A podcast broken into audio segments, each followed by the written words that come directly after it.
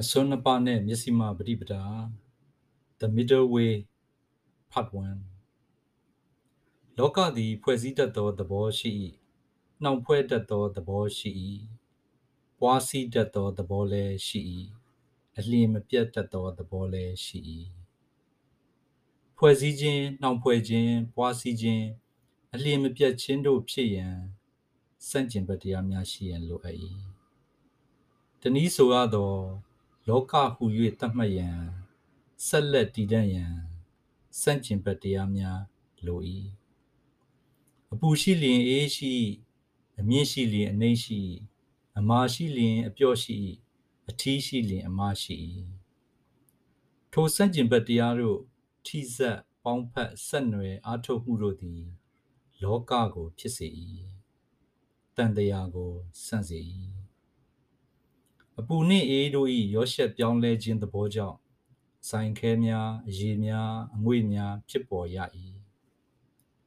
အမာနှင့်ပြော့ပေါင်းမှချီနှောင်လို့ရ၏ဖွဲ့စည်းလို့ရ၏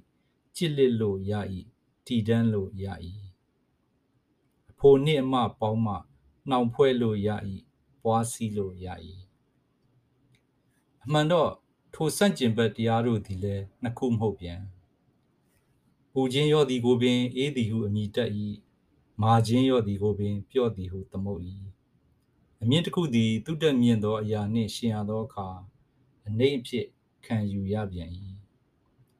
အဖိုနှင့်အမသည်တတဝါဆိုသောအရာတစ်ခုတည်းတွင် တူညီစွာအကျုံးဝင်ပြန်၏သမုဒိနယ်မှ identify လောက်ကသတ်မှတ်မြည်ပေးထားမှုများသည် permanent နယ်မှကြည်လင်တော့တဘာဝတရားများ၏ အစိတ်အပိုင်းများမျှသာဖြစ်ပြန်၏မြည်သို့ဆိုစေလောကသည်စန့်ကျင်ဘက်တရားများနှင့်ကင်း၍မရလောကတွင်စန့်ကျင်ဘက်တရားတို့ကိုအသုံးပြုကာနေထိုင်ပြောဆိုပြုမှုအသက်ရှင်ရ၏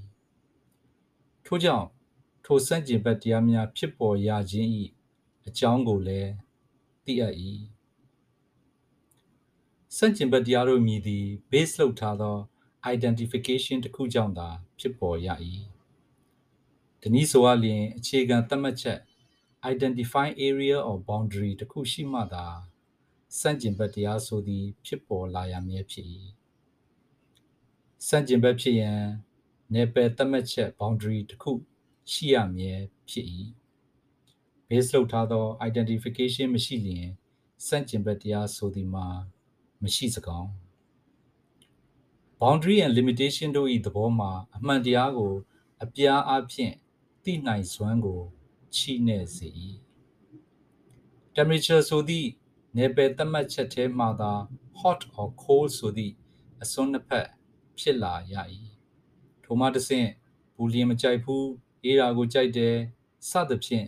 likes and dislikes တွေဖြစ်ရ၏ထို likes and dislikes တို့ကြောင့် conflict တွေဖြစ်ခါ အလိုမကျမှုတွေစိတ်ဆင်းရဲမှုတွေဖြစ်ကြရပြန်၏ထိုနည်းတူ height ဆိုသောနယ်ပယ်တွင်သာ high or low ဆိုသောအစွန်းနှစ်ဖက်ရှိတာဖြစ်၏ထိုနယ်ပယ်သတ်မှတ်ထားမှုများမှ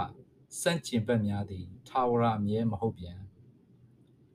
အချိန်နှင့်နေရာပေါ်လိုက်ပြီးပြောင်းလဲတတ်ကြပြန်သည်